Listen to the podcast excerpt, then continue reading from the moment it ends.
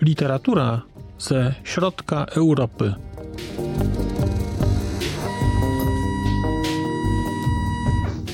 Podcast około książkowy.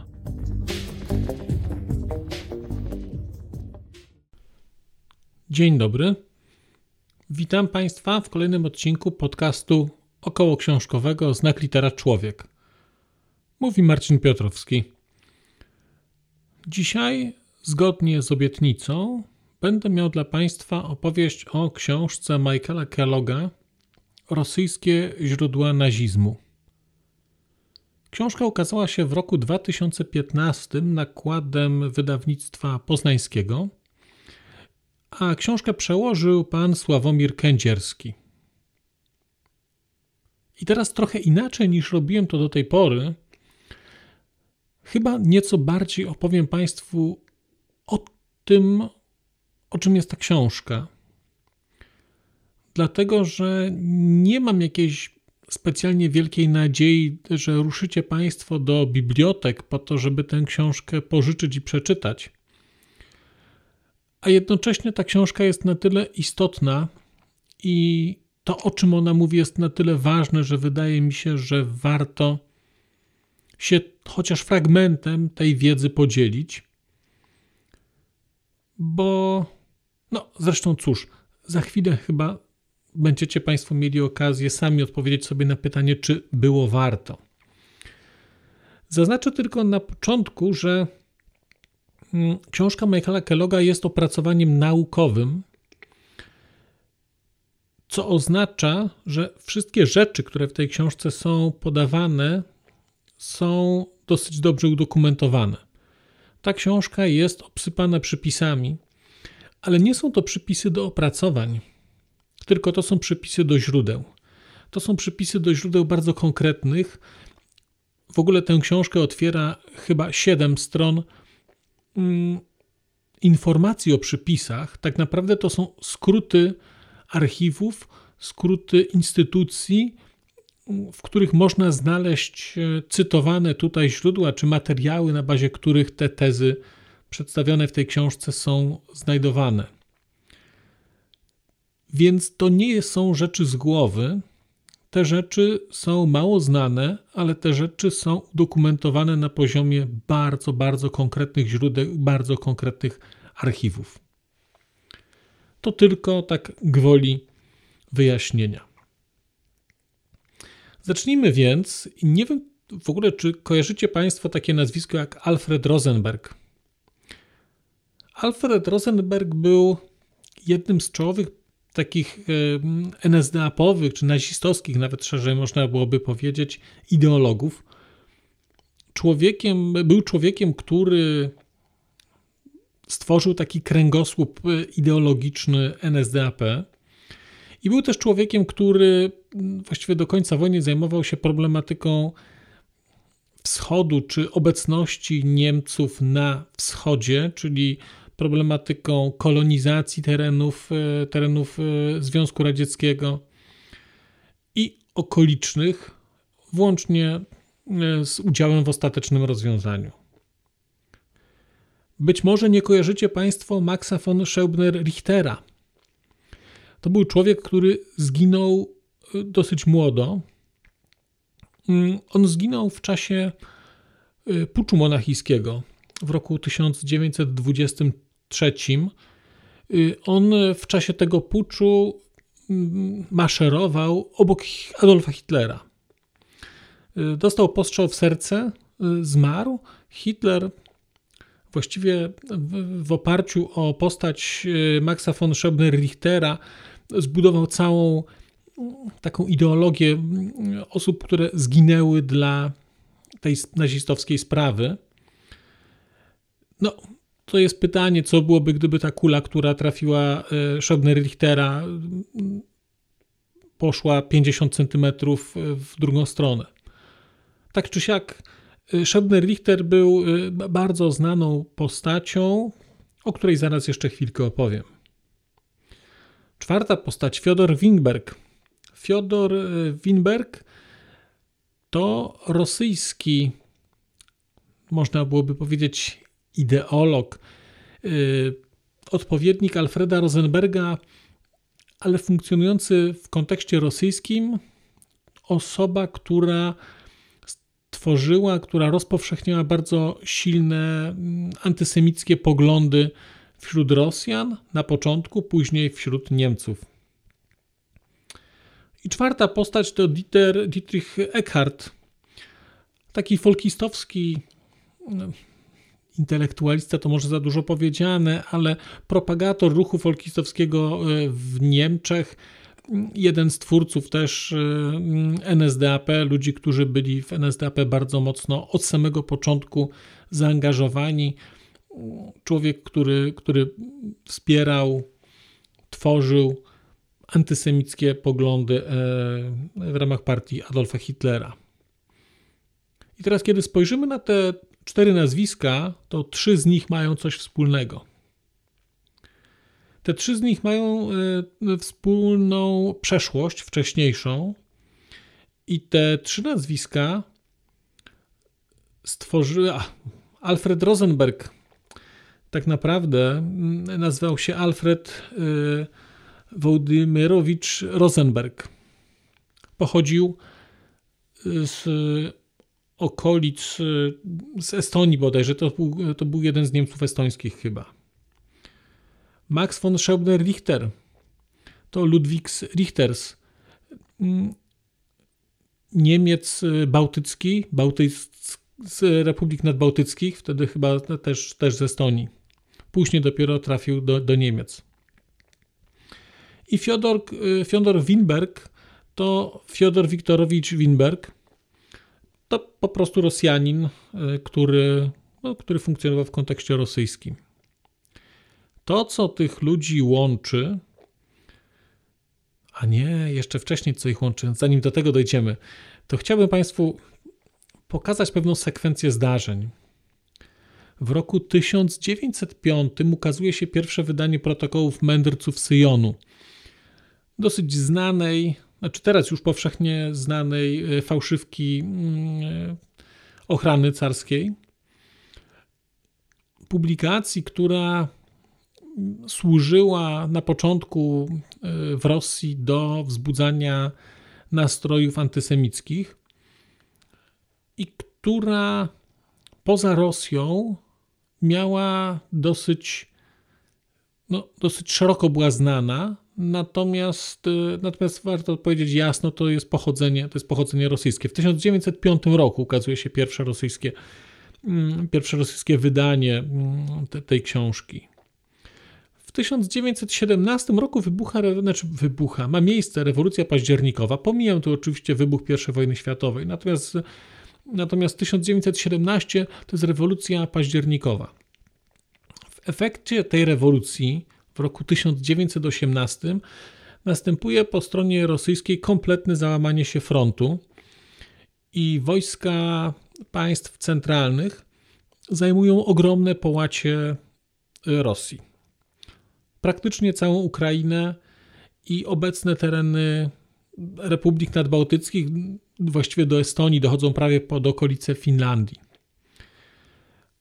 Uzyskują ogromny obszar, zyskują ogromny obszar e, terytorium rosyjskiego, dlatego że w Rosji wybucha rewolucja, żołnierze nie chcą walczyć, e, żołnierze nie chcą walczyć, tworzą się rady żołnierskie, cały ten front się załamuje.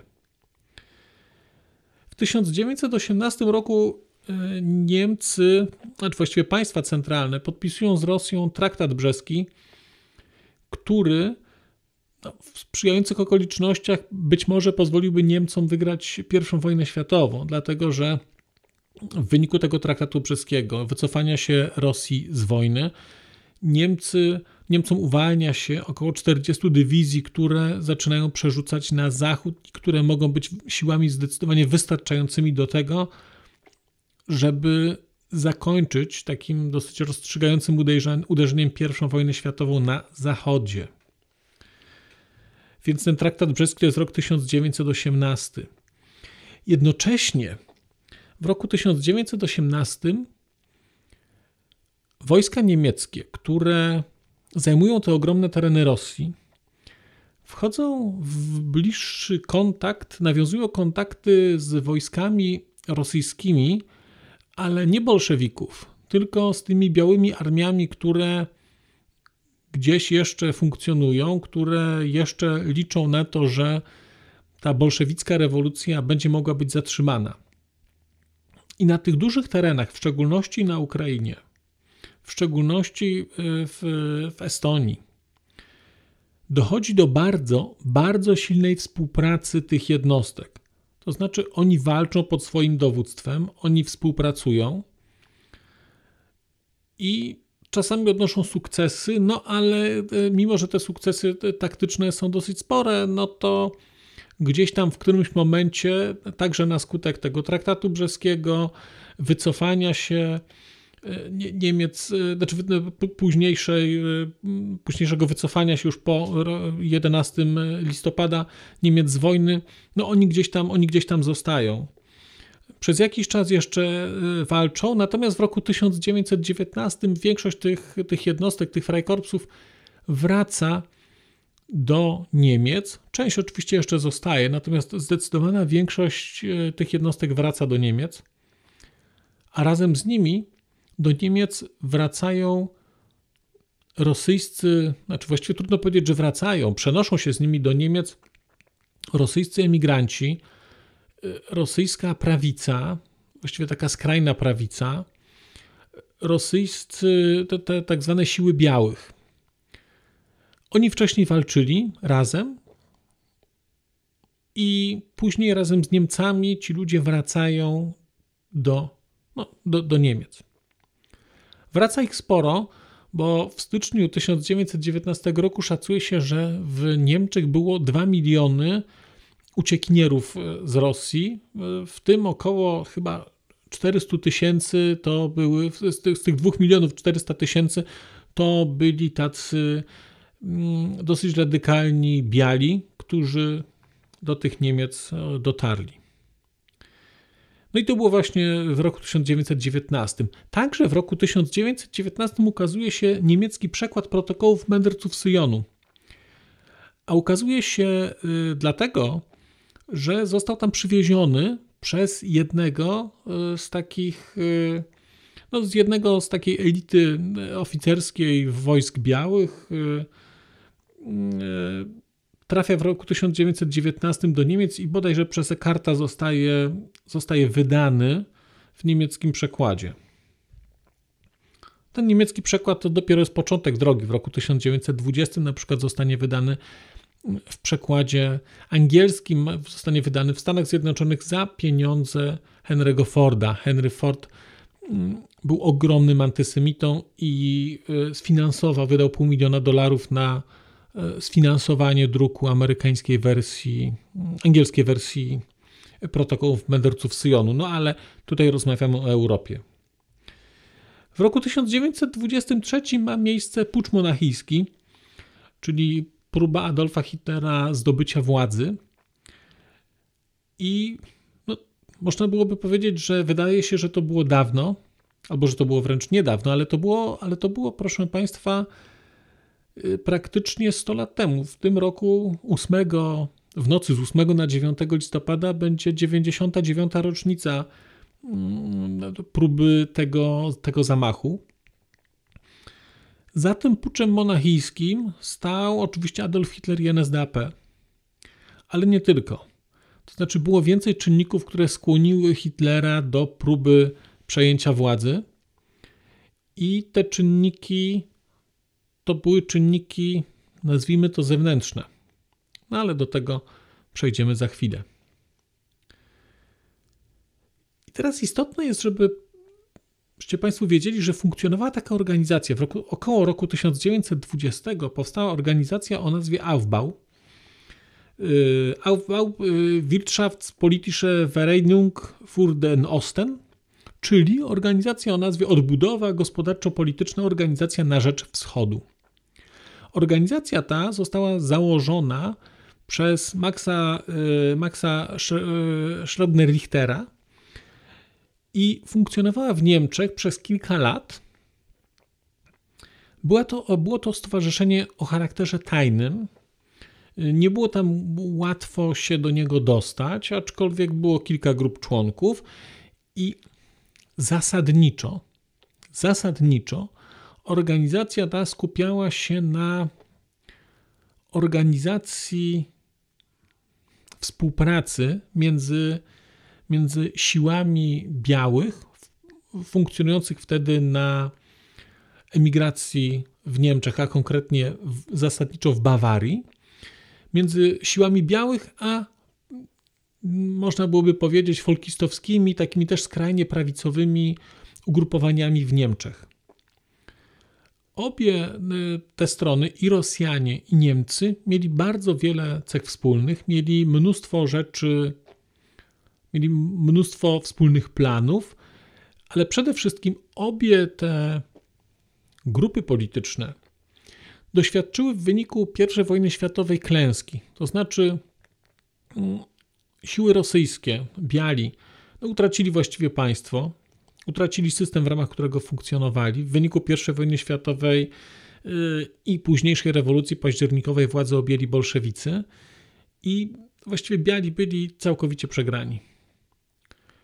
Z drugiej strony, po stronie niemieckiej, organizacje folkistowskie także były, te prawicowe, także były przegrane, dlatego że no, ten, ten ich taki yy, bardzo militarne spojrzenie na na rolę Niemiec, na to, co oni mają do odegrania, na to później, co wydarzyło się w roku 1918-19, czyli na te bardzo radykalne, rewolucyjne nastroje w Niemczech, na to, że nie miały te partie specjalnie poparcia.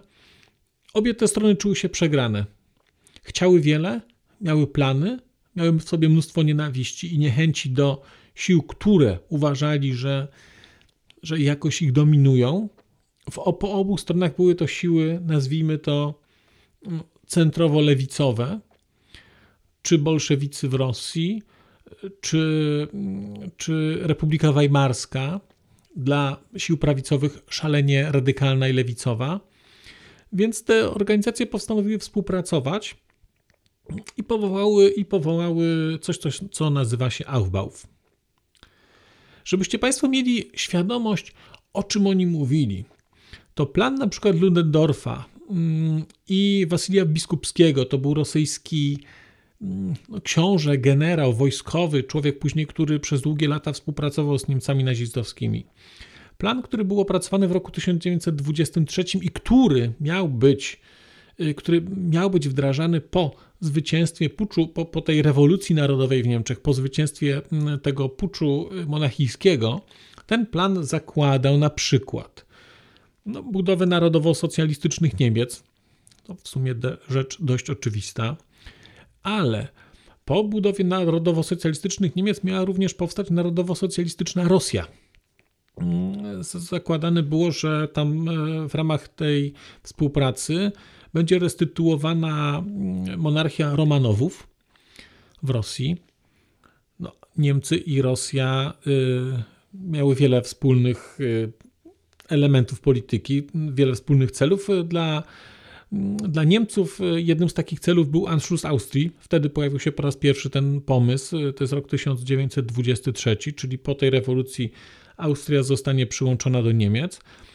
Z drugiej strony państwa postanowiły ze sobą sąsiadować, więc w ramach planu był też rozbiór Polski i ustalenie granicy niemiecko-rosyjskiej w oparciu o granicę z roku 1914, z małym wyjątkiem, utworzenia narodowo-socjalistycznej Ukrainy jako osobnego bytu, takiego państwa buforowego pomiędzy oboma krajami, ale jednocześnie o wyraźnie narodowo-socjalistycznym charakterze. E, Rosjanie i Niemcy nie odróżniali, te, te, mm, nie, nie widzieli za bardzo za dużej sprzeczności między sobą. To nie jest tak, że y, Ludendorff nie znosił Rosjan. Nie było jeszcze tych wszystkich wątków antybolszewickich, takich bardzo silnie obecnych, natomiast obie, oba prawicowe mm, elementy widziały, widziały bardzo silną współpracę swoją y, rosyjsko-niemiecką jako przeciwwagę dla, mm, dla ententy, dla państw zachodnioeuropejskich. No i plany, były, plany współpracy były bardzo konkretne, ale w ramach tych planów na przykład funkcjonowała osobna, osobna niepodległa do pewnego stopnia Ukraina, nawet nie do pewnego stopnia, tylko niepodległa, ale narodowo-socjalistyczna i mocno powiązana z Niemcami Ukraina. Te wątki, y, wątki niemieckie na Ukrainie są dosyć istotne też tutaj, dlatego że mm, w roku 1920 bodajże Niemcy też byli dosyć mocno zaangażowani we wspieranie, nazwijmy to, państwowości ukraińskiej i w ramach tego Aufbau i w ramach mm, tej, tej, tej społeczności emigranckiej w Bawarii też było bardzo dużo, bardzo dużo Ukraińców i y, takich ukraińskich, y, no takich przedstawicieli, nazwijmy to, wojskowych elit ukraińskich. Więc te, te prawicowe siły miały bardzo konkretny, miały bardzo konkretny plan tego, to, to co zrobić. No i teraz, jak mówimy sobie w ogóle ten Aufbau, ta organizacja miała bardzo duży wpływ i właściwie można byłoby powiedzieć, że w dużym stopniu wpłynęła na historię XX wieku. Y, wpłynęła na kilku, y, w kilku obszarach. Po pierwsze, y, to właśnie wpływy Aufbau, Aufbau spowodowały, czy właściwie wytworzyły antysemickie poglądy Adolfa Hitlera. To są szalenie interesujące rzeczy, dlatego że okazuje się, najnowsze badania mówią bardzo jasno, że w takim okresie swoim formatywnym, który, o którym Hitler opowiadał, że mm, stał się antysemitą E, kiedy mieszkał w Wiedniu, okazuje się, że jest to nieprawda.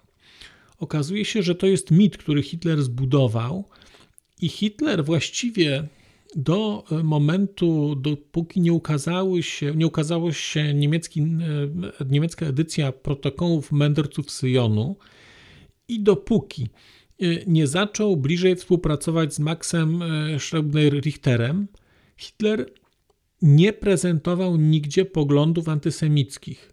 Co więcej, mm, analiza dokumentów y, czy wypowiedzi dowódcy Hitlera, czy dowódców Hitlera, y, kiedy służył na froncie, bardzo jasno mówi, że Hitler zajmował tam nawet stanowisko takie, takie typowo lewicowe, to znaczy on prezentował takie typowe robotnicze, socjalistyczne poglądy, bronił Żydów, i bronił również e, socjalistów i był takim typowym działaczem robotniczym, można byłoby powiedzieć. Zmiana, która się w nim dokonała, dokonała się na skutek indoktrynacji przez e, Alfreda Rosenberga, przez e, Maxa Richtera. I to oni sprawili, wespół jeszcze ze Kartem, oni tak naprawdę zindoktrynowali Hitlera do Y, do, do takiego, takiego bardzo brutalnego antysemityzmu. Y, także dzięki ich, właściwie nie dzięki, ale przez ich wpływ Hitler połączył antysemityzm z antykomunizmem, z tym antybolszewizmem.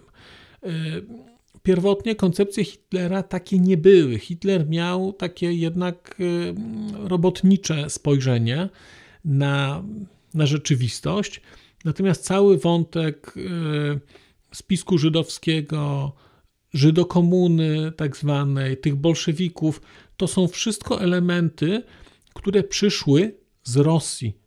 Podkreślmy, to są elementy, które przyszły z Rosji, a elementy te trafiły do Niemiec razem z białą emigracją. Byli to ludzie, którzy mm, nienawidzili bolszewików i z natury byli antysemitami. Oni złączyli ze sobą te dwa fakty, całość tego, całość e, te, te, tej, tego myślenia przenieśli ze sobą do Niemiec i później indoktrynowali tym e, Hitlera i ruch narodowo-socjalistyczny. Aufbau przyniósł ze sobą także bardzo duże pieniądze e, z Rosji i przez długi czas finansował NSDAP. Także dzięki Aufbau udało się, udało się NSDAP kupić e, niemiecką gazetę, która później po zmianie nazwy stała się, stała się tym słynnym dziennikiem Volkische e, Beobachter, tym takim dziennikiem narodowo-socjalistycznym, to także zostało zaprojektowane właściwie, gospodarczo przeprowadzone i zapłacone przez, przez Aufbau, konkretnie przez Maxa Richtera. Więc oni sfinansowali to. To, że pojawił się pucz monachijski, też jest efektem działania Maxa Schöbner-Richtera. To on sprawił, że Hitler zdecydował się, Hitler rozważał pewne rzeczy. Natomiast to, y, to Schöbner-Richter doprowadził do tego, że Hitler w tym, y, że Hitler ten pucz zrealizował do końca. On był spiritus movens tego. to jest niesamowite, bo to jest ta postać w ogóle tego Maxa y, Schöbner-Richtera. To jest człowiek obdarzony kiedy się czyta w tej książce i się poznaje tę postać, to jest człowiek obdarzony ogromną inteligencją, y, ogromną operatywnością. Y, to był bardzo zdolny wojskowy, ale też zdolny polityk, wizjoner. No, niestety po złej stronie. Ale rozkwit ruchu narodowo-socjalistycznego był, by, był, właściwie miał miejsce dzięki postaci Maxa von Schrebner-Richtera, i zresztą Hitler później, właściwie do końca, on tego Schebner-Richtera cenił. On wokół niego zbudował cały mit założycielski tych, y, te, tej grupy, chyba bodajże 18, 18 mm, y, y, puczystów, którzy zginęli w roku 1923, ale spośród tych, tej osiemnastki to Schebner-Richter był tym, który był mu najbliższy. On o nim bardzo jasno mówił przez długi czas później e, współpracował czy z wdową po nim. I postać Maxa Schebnerichtera jest szalenie tutaj istotna. Więc ten pucz monachijski to, to, to, że Hitler w roku 23 e, próbował przejąć władzę, to oczywiście miał tam swoje plany, natomiast całość była orkiestrowana i napędzana przez, przez Schebnerichtera. Aufbau także wpłynął w ogromnym stopniu, w ogromnym, to jest niesamowite, na, na decyzje Hitlera strategiczne w czasie już II wojny światowej. Strategiczna decyzja o tym, y, żeby mm, bodajże do, pod koniec sierpnia roku 1941 nie nacierać na Moskwę, która właściwie tam ta, ta, ta Moskwa była kompletnie bezbronna, tylko najlepsze jednostki niemieckie przesunąć na południe – w celu zdobycia Ukrainy, to jest także, to jest także długoterminowy wpływ y, właśnie Aufbau. I tej myśli, z, którym, z którą Hitler mm, zetknął się na początku lat 20., którą został zindoktrynowany, która była z kolei efektem współpracy niemieckich ruchów folkistowskich y, z Rosjanami białymi. Tam był bardzo silnie obecny wątek Ukrainy, jako takiego miejsca, gdzie ci Niemcy byli dobrze witani. I rzeczywiście są takie świadectwa, które mówią, że bezpośrednio po zajęciu Ukrainy przez Niemców, na początku ta ludność witała Niemców jako wyzwolicieli spod, y, y, spod tego reżimu, y, reżimu rosyjskiego, bolszewickiego. Ku wielkiemu ubolewaniu na przykład Rosenberga, nie udało mu się doprowadzić do tego, żeby Ukraińców traktować inaczej. On usiłował na przykład to robić. On wierzył w to, że w oparciu o Ukraińców da się zbudować takie buforowe państwo, które będzie zależne od Niemiec i które będzie z nimi współpracować. Oddziały ukraińskie walczyły po stronie, po stronie niemieckiej. E, no, skończyło się to jak skończyło się. Ja tutaj ten Aufbau podsumowałem w pięciu punktach. Właściwie książka Michaela Kelloga jest książką, gdzie przez jakieś 70% mm, objętości Aufbau pojawia się jako element, wokół którego budowana jest cała ta historia, która gdzieś tam się w tle wydarza. To była organizacja, która doprowadziła pierwotnie do zjednoczenia, do, do zjednoczenia e, tych wszystkich ruchów e, mm, emigracyjnych białych. Oni się później podzielili ci, ci Rosjanie, bo zrobili to, co środkowoeuropejczycy czy wschodnioeuropejczycy robią najlepiej, czyli zaczęli się po prostu wewnętrznie kłócić. Część z nich chciała, e, chciała współpracować z Francją, część z Niemcami. W którymś momencie nawet, e, kiedy z kolei Francuzi chcieli wysłać wojska ekspedycyjne, taki korpus e, po to, żeby po to, żeby pokonać bolszewików. To był rok bodajże 1922. A Bał był tak zdecydowany, żeby, mm, żeby ta druga grupa, tych y, konkurencyjna względem niego, y, tej, e, tych y, emigrantów rosyjskich, nie pokonała bolszewików, że rozważał nawet, na, rozważał nawet taktyczny sojusz z bolszewikami po to, żeby swoim krajanom nie ułatwić, nie ułatwić zadania. Szalenie interesujące i w ogóle mm, ta książka, książka Michaela Kelloga jest pod tym względem, e, jest pod tym względem takim wspaniałym intelektualnym puzzlem, bo te rzeczy są bardzo konsekwentnie pokazywane i po prostu widać, w jaki sposób elementy ze wschodu przesiąkły do Niemiec. To nie jest tak, i to jest bardzo warto o tym powiedzieć, to nie jest tak, że właściwie całość tego, co, wydarzyła się, co wydarzyło się mm, w ramach e, przejęcia władzy przez NSDAP i później, że to wszystko było. Nie, to było zupełnie inaczej. Elementy, mm, elementy antysemickie w Niemczech funkcjonowały, ale na zupełnie innym poziomie. Kiedy czyta się mm, nawet te ostre artykuły antysemickie Rosenberga, tam nigdzie nie ma mowy o mordowaniu. Tam zawsze była mowa, to, to było po prostu takie, takie, takie hejterskie, nienawistne nienawistne treści, natomiast nigdzie nie było tam mowy o mordowaniu. A te rzeczy z kolei przyszły ze wschodu, te rzeczy były elementem polityki mm, tak zwanych czarnych sotni, takich, takiego można powiedzieć, ruchu polityczno, polityczno-militarnego, takich bojówek, które były teoretycznie niezależne od państwa, w praktyce bardzo blisko współpracowały z policją polityczną, z policją e, i w ogóle z elitami rosyjskimi i zajmowały się głównie mordowaniem mordowaniem Żydów i wzbudzaniem, i wzbudzaniem nastrojów antysemickich w społeczeństwie. Więc te wszystkie rzeczy przyszły, przyszły ze wschodu. Pytanie dlaczego? Pytanie, czy w ogóle było coś, co było na początku i co połączyło Rosję i Niemcy. I okazuje się, że było coś takiego. I okazuje się, że było coś takiego. I teraz, kiedy y, spojrzymy najpierw może na Niemcy, to mamy wiek XIX, mamy romantyzm i mamy z jednej strony filozofię Artura Schopenhauera, z drugiej strony mamy, mamy Wagnera z, z, jego, z jego operami. I teraz tutaj pojawia się coś, co bardzo mocno na Niemców wpłynęło. Pojawia się w ogóle Schopenhauera koncepcja woli życia.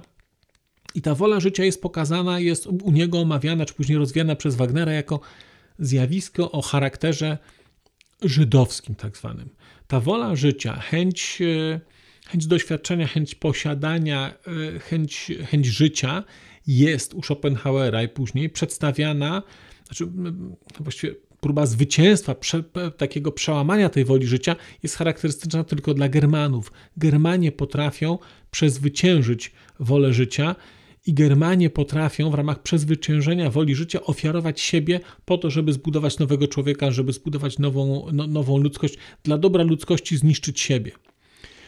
To są elementy, które są obecne chociażby w pieśni o Nibelungach. E, I w, w, tych wszystkich, w tych wszystkich operach Wagnera to bardzo, bardzo wyraźnie widać. I zresztą było to, widać to później, przez takie, takie głębokie przesycenie tą, tą mitologią było widać u Hitlera, kiedy był rok 45 i on bardzo wyraźnie, jeżeli zajrzycie sobie Państwo do takiej książki, która się nazywa Teczka Hitlera i która jest e, zbiorem dokumentów, ona się ukazała dosyć długo po wojnie, dlatego że Stalin miał taką obsesję tego, że Hitler żyje.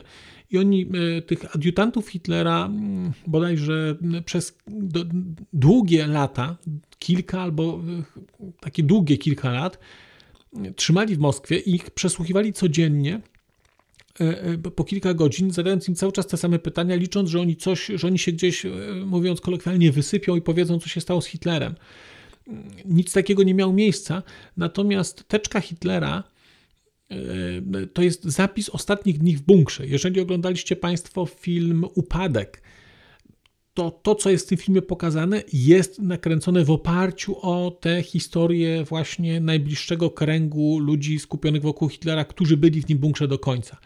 I w tych wszystkich historiach pojawia się bardzo wyraźnie wątek, jak Hitler mówi, że Niemcy nie zasługują na coś, na, na, na coś innego, że Niemcy muszą, muszą strzeznąć, muszą się spalić, muszą się poświęcić, bo nie są godni, godni żeby żyć. Więc te wszystkie rzeczy gdzieś tam tutaj współgrają.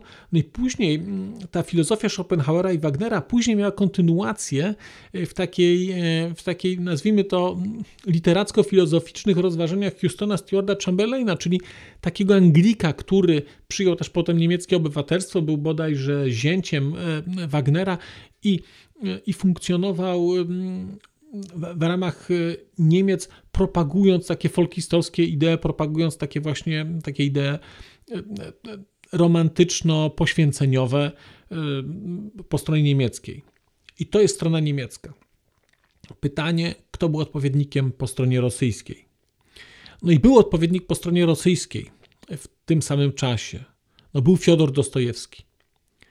Był Fiodor Dostojewski, który bodajże w szczególności y, w, y, w, dzienniku pisarza czy w pamiętnikach pisarza. Ja akurat tej książki nie czytałem. Mam ją, ale jej nie czytałem, ale chyba ją przeczytam.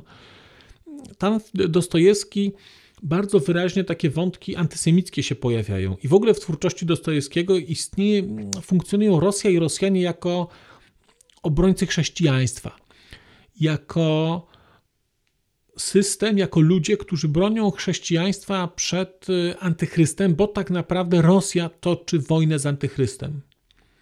Pytanie, kim jest antychryst? No odpowiedź jest tutaj bardzo prosta. Antychrystem są Żydzi i antychrystem są protestanci. I to są grupy, wokół, wo, wo, wobec których Rosja jest w stanie wojny. Y, Żydzi są w Rosji, a protestanci są gdzieś indziej protestanci są na zachodzie. Realnie więc Rosja, według myśli Dostojewskiego i tego, co później zostało z niego przeniesione dalej, wyciągnięte i rozwijane w, w myśl polityczną, Rosja jest skazana na walkę z Zachodem. No i teraz tak się złożyło, że po jednej stronie po stronie niemieckiej było przekonanie o tym, że Niemcy są do czegoś predestynowani, że tylko oni coś mogą. Po drugiej stronie, po stronie rosyjskiej, było przekonanie, że Rosja jest stworzona do wielkich rzeczy, że Rosja jest stworzona do ocalenia cywilizacji, cywilizacji tej prawdziwej chrześcijańskiej takiej, która, no, której sama uważała, że jest sama nośnikiem. No i teraz te dwie rzeczy się złączyły. Mm, tak naprawdę proces transmisyjny tych wątków kulturowych gdzieś nastąpił Niemcy uwierzyli e, w ten cały wątek schopenhauerowski, on został wykorzystany przez, przez Hitlera. Rosjanie z kolei zbudowali całą taką bardzo, bardzo brutalną i taką czarną, mm, taką czarną, takie czarne myślenie na bazie myślenia Fiodora Dostojewskiego.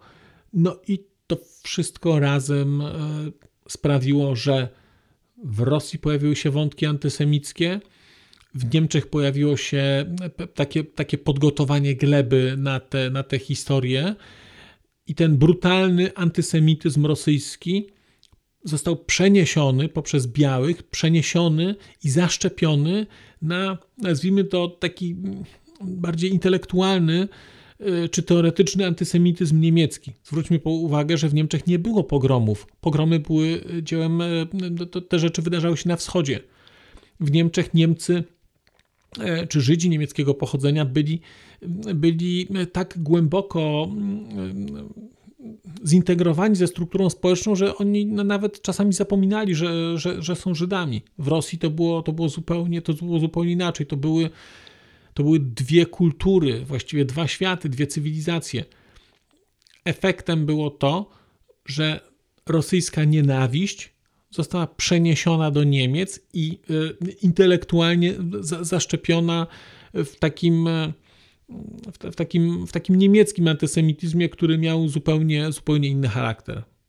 Efekt znamy. No i pytanie teraz jest e, na tym, pytanie jest o tym, co dalej. Co ta książka, co rosyjskie źródła nazizmu mówią, mówi nam o sytuacji obecnej. No i wydaje mi się, że niestety mówi nam bardzo wiele. Wydaje mi się, że mówi nam bardzo wiele, dlatego że ten wątek o tym, że Rosja skazana jest na walkę z Zachodem, jest w czystej formie tym, co obserwujemy od kilkudziesięciu lat. Bo najpierw mieliśmy Rosję, która usiłuje walczyć, która usiłuje walczyć z Zachodem po to, żeby obronić cywilizację. Potem mamy Rosję, która usiłuje walczyć z Zachodem po to, żeby przeszczepić idee rewolucyjne. Potem mamy Związek Radziecki, który usiłuje walczyć z Zachodem, który jest ucieleśnieniem wszelkiego zła. A teraz mamy Rosję, która usiłuje walczyć z NATO, która też jest ucieleśnieniem wszelkiego zła. Dlaczego? No, dlatego, że, dlatego, że to jest ta idea e, rosyjskości. Ideą rosyjskości jest niesienie nieszczęścia, ideą rosyjskości jest unicestwienie, unicestwienie Zachodu. I to jest bardzo smutna refleksja. Jeżeli oglądaliście Państwo y, serial Homeland, któryś z ostatnich sezonów, jest taki motyw tam, y, mm, kiedy, y, kiedy ten Sol, który tam jest tym, tym szefem CIA, jest w, w którymś momencie pytany o to, skąd to przyszło. To, to są takie niepokoje, mm, nie, niepokoje i, i taki, i te, taki pojawiający się w Stanach zespół, zespół negatywnych zjawisk, negatywnych czynności jakichś takich. I on mówi, stąd, skąd zawsze przychodzi. No i właśnie y, książka Michaela Kelloga pokazuje historię to i pokazuje mechanizm transmisyjny pewnego rodzaju mitu kulturowego, który przekłada się na to, co było, ale niestety mam wrażenie, bardzo dobrze tłumaczy też to, co dzieje się obecnie to, czego jesteśmy świadkami e, w agresywnej e, retoryce najpierw rosyjskiej, potem w próbie w tej chwili zagarnięcia Ukrainy i w próbie straszenia, mm, straszenia całego świata zachodniego i takiego ciągłego przygotowywania się do walki z ludźmi, którzy wcale walczyć nie chcą, ale, ale to jest chyba niestety właśnie idea rosyjskości. To, co zrobiłem dzisiaj, to ja Państwu przekazałem tylko odrobinę właściwie zarys tego, o czym pisze Michael Kellogg. Ta książka jest znakomita. Ta książka jest doskonale udokumentowana. Ta książka jest perfekcyjnie napisana. Mm. Warto oczywiście nieco znać historię, kiedy się tę książkę czyta, ale nie ma tam takiej naprawdę takiej głębokiej potrzeby. Aczkolwiek, jeżeli się zna te nazwiska, jeżeli łączy się wcześniej fakty, to tę książkę czyta się łatwiej. E, rosyjskie źródło nazizmu, książka bardzo ważna, bardzo istotna. Y, dla historii, ale też dla przyszłości. Bardzo, bardzo mocno tę książkę Państwu polecam. A tymczasem bardzo dziękuję za uwagę. Dziękuję za posłuchanie do końca. I cóż, powrócę pewnie do Państwa wkrótce. Do usłyszenia. Przez mikrofon mówił do Państwa Marcin Piotrowski. A już zupełnie na koniec powiem, że skoro wysłuchaliście Państwo tego odcinka, to w jego opisie znajdziecie link do serwisu YouTube. W wersji YouTube'owej e, jest miejsce na skomentowanie go. To jest takie miejsce, gdzie można komentować ten odcinek, rozmawiać, zadawać pytania, wymieniać się spostrzeżeniami, do czego Państwa bardzo zachęcam, gdyż udało się już na tym YouTubie zgromadzić trochę bardzo ciekawych osób, bardzo ciekawych komentarzy i trochę stworzyć taką społeczność ludzi rozmawiających o książkach. Też na koniec, zupełnie na koniec, e, poproszę Państwa o wystawienie oceny mi w ramach e, tych platform podcastowych, na których Państwo tego odcinka wysłuchaliście. I nieważne jaka ta ocena będzie, istotne dla mnie po prostu, że będzie. Tymczasem się żegnam już naprawdę i do usłyszenia za czas jakiś.